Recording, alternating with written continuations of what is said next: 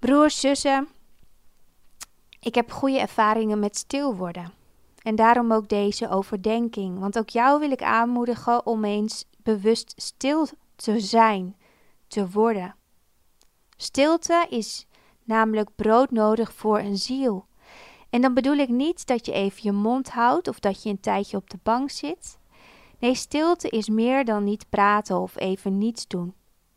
In de stilte mag jij je hoofd leeg proberen te maken en je denken een halt toe te roepen. Je mag luisteren naar dat wat er diep van binnen in je hart leeft. En je mag proberen om je blik te richten op diegene die in je hart woont, Gods geest. Stil worden. Echt leren proeven. Aanraken. Ervaren wat het leven brengt. Dat is belangrijk. Want als je jouw gedachten kan stoppen en je hart tot stilte kan brengen en gericht leeft in het nu, dan ontdek je dat midden door alle tranen heen, alle duisternis heen, er ook zoveel mooie dingen gebeuren. Laat me je een voorbeeld geven. Je proeft beter het vers gebakken brood. Je kijkt intensiever naar die zonsondergang. Je luistert gericht naar die vogel die een wijsje fluit. En op die manier kom je dichter bij de schepper. Want al die ervaringen zijn tekenen en symbolen die de schepper je vandaag wil geven om je blik gericht te houden op hem. Om te blijven hopen. En zo, broers en zussen, bewust genieten kan helpen om hoop in je wakker te roepen. Stilte kan je helpen om dat wonder te ontdekken. En zo kan je alvast een voorproefje krijgen op de vervulling van je hoop, namelijk het eeuwige leven. De keuze is aan jou om je over te geven aan de stilte en je denken om te zetten in ervaren.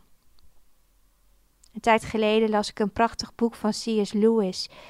Hij schrijft het volgende: Als denkers zijn we afgesneden van dat waarover we denken.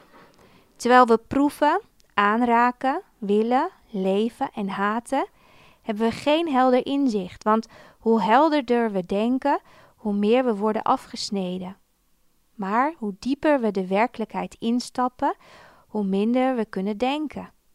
Je kunt genot niet bestuderen op het moment van de huwelijkskus of berouw terwijl je boete doet. Je kunt het wezen van humor niet analyseren terwijl je buldert van het leggen. Vind het een mooi gedeelte. En zo, broers en zussen, is het zo belangrijk om zo nu en dan je denken uit te schakelen en stil te worden en een ontmoeting te hebben met je schepper. Want te veel in je hoofd leven maakt dat je je echte ik kwijtraakt. En het maakt dat je God, als je niet oppast, probeert te vangen in een systeem. En dat zou zonde zijn. Want in een relatie kan je moeilijk dingen analyseren. Want voor je het weet, ga je op een cognitieve en een analytische manier om met God. In de stilte ligt veel verborgen.